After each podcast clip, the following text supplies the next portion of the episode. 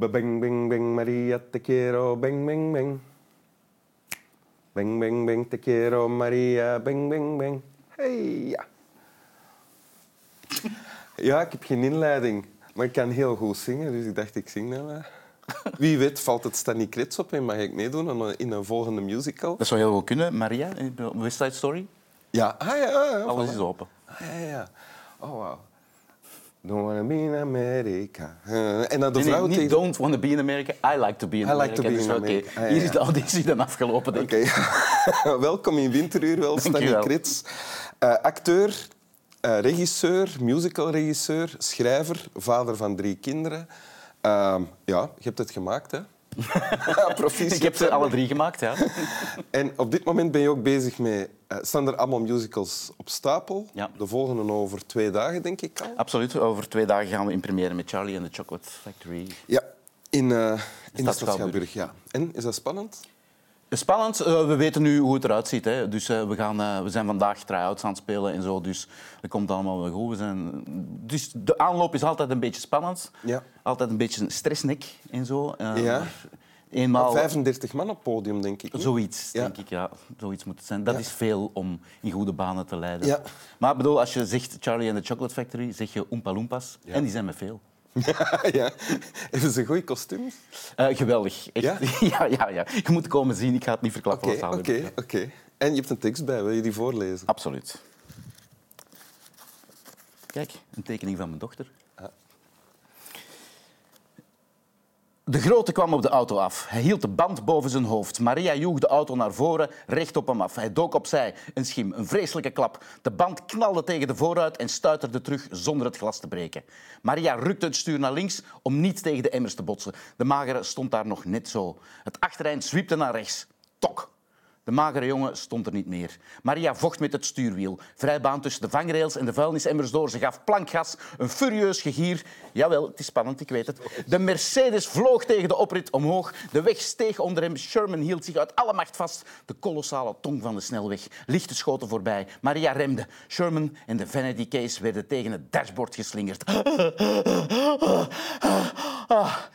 Eerst dacht hij dat ze zat te lachen. Ze probeerde alleen weer op adem te komen. Goed, amai, dat, Dat was spannend, dat spannend, Dat was spannend. voor Igor. het is voorbij. Straks nog een keer. Hè? Ook spannend, hè? Dit komt uit Tom Wolfe, eh, Bonfire of the Vanities. Ja. Hè? ja.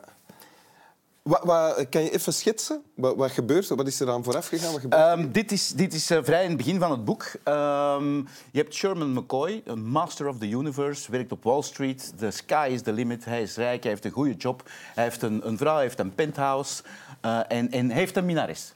En op een bepaald moment beslist hij met zijn minares eh, erop uit te gaan, weet ik veel, te gaan dineren. Ik weet niet meer precies wat hij gaat doen. En hij neemt de verkeerde afslag eh, op, de, op de ring rond New York, om het gemakkelijk te Ja, maken. ja. En hij komt terecht, hij komt terecht in de Bronx. Jawel. En, eh, Op dat moment een gevaarlijk... een gevaarlijk gebied. Zeker in de jaren tachtig zitten we nog, eh, waar, waar de scheiding in New York tussen de wijken nog heel groot was. Hè. Ik bedoel, je had echt wel de ghetto's. Ja. Dus hij komt eigenlijk een beetje min of meer in een ghetto terecht. Dus op zwart gebied. Ehm, dus ze schijten eigenlijk een beetje in hun broek met z'n Ja. tweeën en ze rijden verloren. En op een gegeven moment ehm, zitten ze, eh, komen ze eh, in een gebied waar ze geconfronteerd worden met twee zwarten die voor hen heel erg bedreigend overkomen. Ze proberen te ontsnappen en ze raken daarbij een van hen. Dat is nog nooit gebeurd, dat, dat, eh, dat hij zich zo eh, aangetrokken ja, voelt tot een van de gasten. je moet iets herkennen in u. eh. Ik denk het, of, of ik kan gewoon heel goed vertellen. Dat kan ja, dat kan ook. Ja. In ieder geval- bijna letterlijk aan de Ah, ja. ja. Hij is weg. Ja. Oké. Dus, ehm, en, en ehm, waar was ik? Ah ja, ze, ze, ze raken dus iemand, denken ze, vermoeden ze, ze weten het niet en ze ontsnappen. En daar begint de miserie. Want uiteindelijk komt dat eh, voorval aan het licht en ehm, wordt dat een beetje gerecupereerd, dat voorval, eh, in, in de rassenproblematiek die dan aan de gang is Ja. in New York. Ja. En de grote Master of the Universe, eh, Sherman McCoy, die beleeft 800 pagina's lang een downfall. Ja, ja. En dit is wat je net hebt voorgelezen. is het moment dat ze iemand aanrijden. Ja, hè? dat is, ja. De die je gehoord hebt, is misschien het belangrijkste woord uit heel het boek. Ja. Het, het, wordt, het wordt niet beschreven hoe hij wordt aangereden. Het is gewoon die tok en je weet van oei, daar is iets heel ergs En wist jij de eerste keer dat je dit las, want dat is waarschijnlijk al een aantal jaar geleden, Ja. wist je van op dit moment, oké, nu is de actie in gang gezet, nu... Ja, dat is, ja bedoel, moest, moest je dit verfilmen, en het is ook verfilmd, dan is dit een scharniermoment. Hè. Ja. Eerst zeg maar, de, de inleiding, kennismaking met de personages, en dan gebeurt het onvermijdelijke. No way back. Ja, ja. Waarom heb je dit gekozen? Omdat ik Vlaanderen eigenlijk wil, wil laten kennismaken met Tom Wolfe. Ja? Ik wil heel veel reclame maken voor deze schrijver. Omdat ik merk, eh, ik merkte het ook toen ik eh, dit boek voorstelde bij jullie redactie, dat eigenlijk niemand die Tom Wolfe, ik kan de naam niet genoeg herhalen, Ja? kent. En, eh, in Ik die- heb er een boek van thuis liggen, maar dat heb ik nog niet gelezen. Ja, maar dan moet je dat doen natuurlijk. Ja. Want daar dienen boeken voor. Ja. Zoals je zelf ook weet, daarom heb je dit programma. Klopt. Eh, The Right Stuff heb je thuis? Ja, ja. voilà. Iedereen heeft The Right Stuff. Nee, dat is ook een film, ook zeer goed. Nee, maar Tom Wolfe ehm, was een fenomeen in de, in de jaren 70, 80. Begin jaren 90 ook. Eh, en daar heeft hij zijn grootste meesterwerken geschreven. En hij is begonnen als een, een, een journalist. Hij was journalist voor, ik denk, Penthouse of Hustler of, of Playboy, een van die boekjes. En hij deed wat niemand voor hem eigenlijk had gedaan. Namelijk, hij werd een beetje de, de jambers van de geschreven journalistiek. Hij ging niet zomaar beschrijven wat hij zag. Hij werd dan naar een of andere eh, autorace gestuurd in Dakota, ik zeg maar iets. En hij kwam niet terug met van die nam deel, die nam deel, die nam deel en die won. Hij kwam terug met een heel verhaal waar je de, de benzinemotoren en de dieselrook en, en het, het krapul dat er rondliep voelde. En daar kwam hij mee terug. En ehm, die bestaan nog, die, die essays eigenlijk, bijna. Dus de hele directe, voelbare manier van vertellen, Ja, absoluut. dat is wat jou treft. Dat is wat mij treft. En een goed verhaal natuurlijk. Hè. Het is een waanzinnig goed verhaal. Ja. Maar het is ook vooral de manier waarop hij schrijft. Want hij heeft boeken met een net iets minder verhaal, maar waar eh, hij nog altijd personages en gebeurtenissen op zo'n manier beschrijft dat je er onmiddellijk in zit. Heel, heel filmisch, heel fly on the wall. Ja, ja. Ik ben fan. Ja.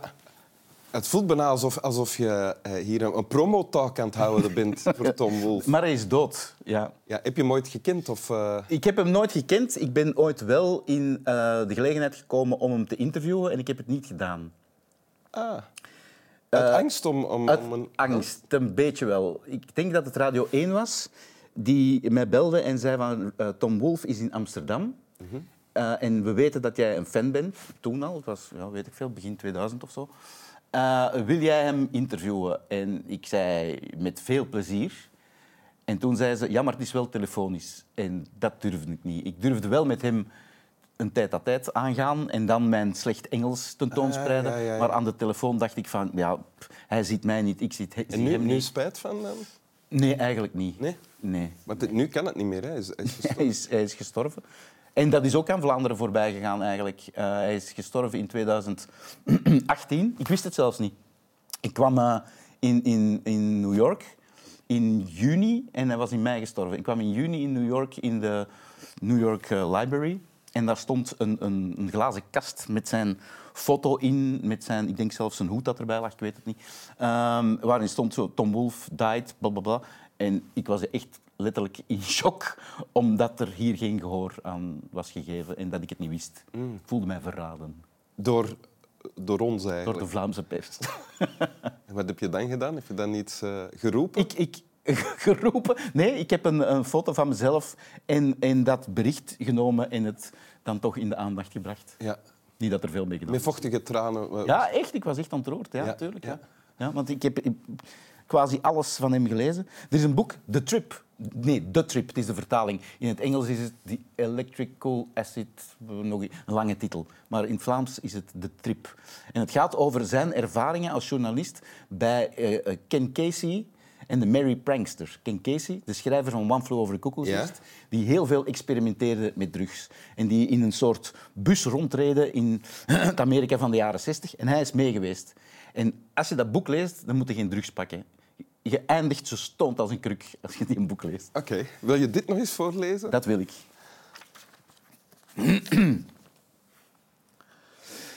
De grote kwam op de auto af. Hij hield de band boven zijn hoofd. Maria joeg de auto naar voren, recht op hem af. Hij dook opzij. Een schim, een vreselijke klap. De band knalde tegen de vooruit en stuiterde terug zonder het glas te breken. Maria rukte het stuur naar links om niet tegen de emmers te botsen. De magere stond daar nog net zo. Het achtereind zwiepte naar rechts. Tok! De magere jongen stond er niet meer. Maria vocht met het stuurwiel. Vrij baan tussen de vangrails en de vuilnisemmers door. Ze gaf plankgas. Een furieus gegier. De Mercedes vloog tegen de oprit omhoog. De weg steeg onder hem. Sherman hield zich uit alle macht vast. De kolossale tong van de snelweg. Lichten schoten voorbij. Maria remde. Sherman en de vanity case werden tegen het dashboard geslingerd. Eerst dacht hij dat ze zat te lachen. Ze probeerde alleen weer op adem te komen. Dank u. Alsjeblieft. Slap wel. En morgen naar de boekenwinkel. En overmorgen naar Charlie en de Czech Chocolate Factory. In de stad Schouwburg te Antwerpen. Ja, of een dag daarna, dat mag ook. Mag ook, we spelen nog aan. Ja.